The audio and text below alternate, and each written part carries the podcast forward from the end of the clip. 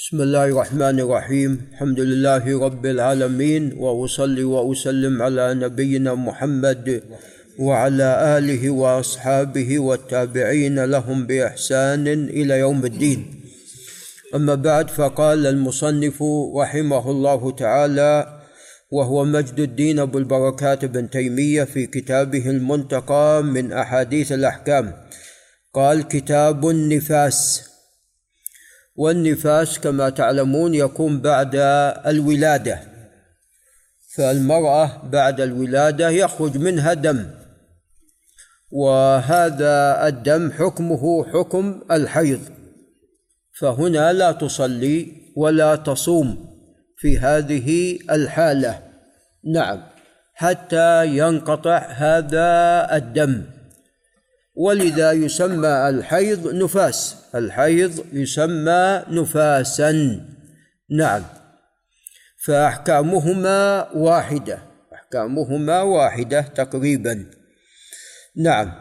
قال عن علي بن عبد الأعلى عن أبي سهل واسمه كثير بن زيد عن مسة الأزدية. هذه اسم امرأة. عن أم سلمة رضي الله تعالى عنها قالت كانت النفساء تجلس على عهد رسول الله صلى الله عليه وسلم أربعين يوما. أي بعد الولادة تجلس أربعين يوم لا تصلي ولا تصوم.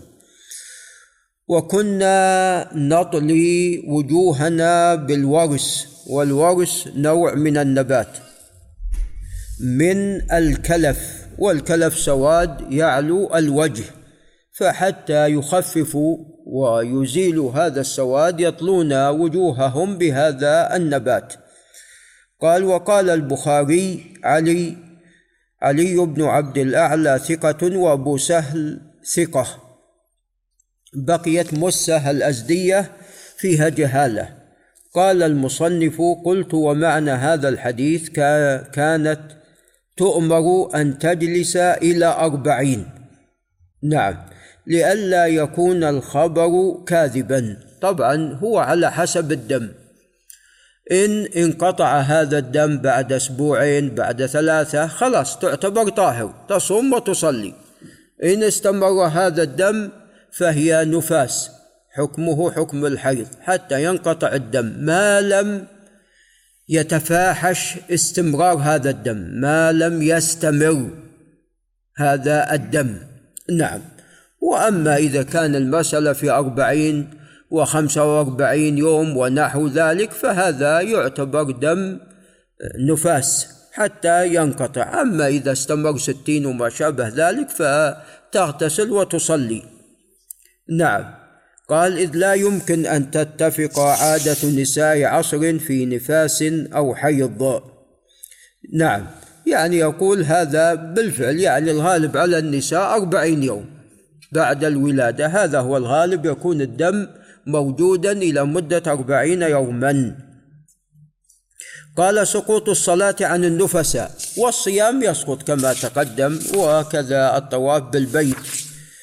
قال عن أم سلمة رضي الله عنها قالت كانت المرأة من نساء النبي صلى الله عليه وسلم. طبعا هذا اللفظ الأول أقوى اللفظ الأول أقرب إلى الاستقامة هو الحديث نفسه.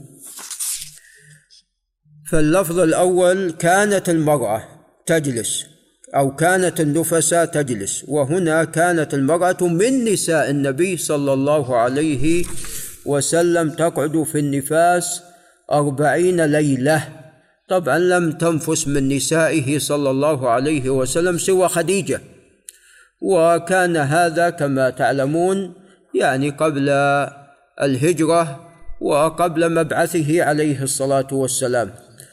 إلا من ما حصل من ماريا عندما ولدت لرسول الله صلى الله عليه وسلم إبراهيم.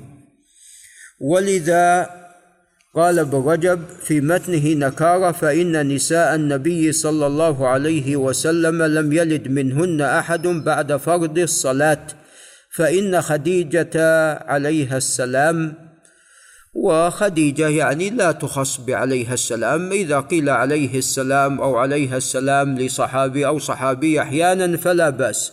وأما دائما كما يفعل البعض مثلا إذا ذكر علي رضي الله عنه قال عليه السلام لا هذا خطأ. يعني دائما. وأما أحيانا سواء كان أبو بكر أو عمر أو عثمان أو علي أو غيرهم من الصحابة فلا بأس. قال ابن رجب في متنه نكارة فإن نساء النبي صلى الله عليه وسلم لم يلد منهن أحد بعد فرض الصلاة فإن خديجة ماتت قبل أن تفرض الصلاة. نعم. فإذا خديجة ماتت قبل فرض الصلاة ولذا هي قبل الهجرة توفيت بنحو ثلاث سنوات. نعم.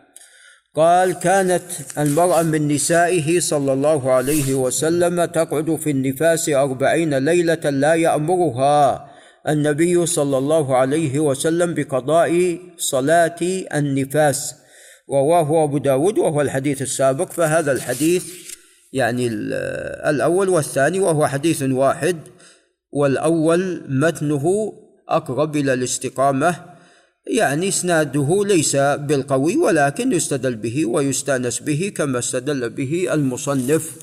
ولعل نقف عند هنا وإن شاء الله يأتينا كتاب الصلاة. وبالله تعالى التوفيق.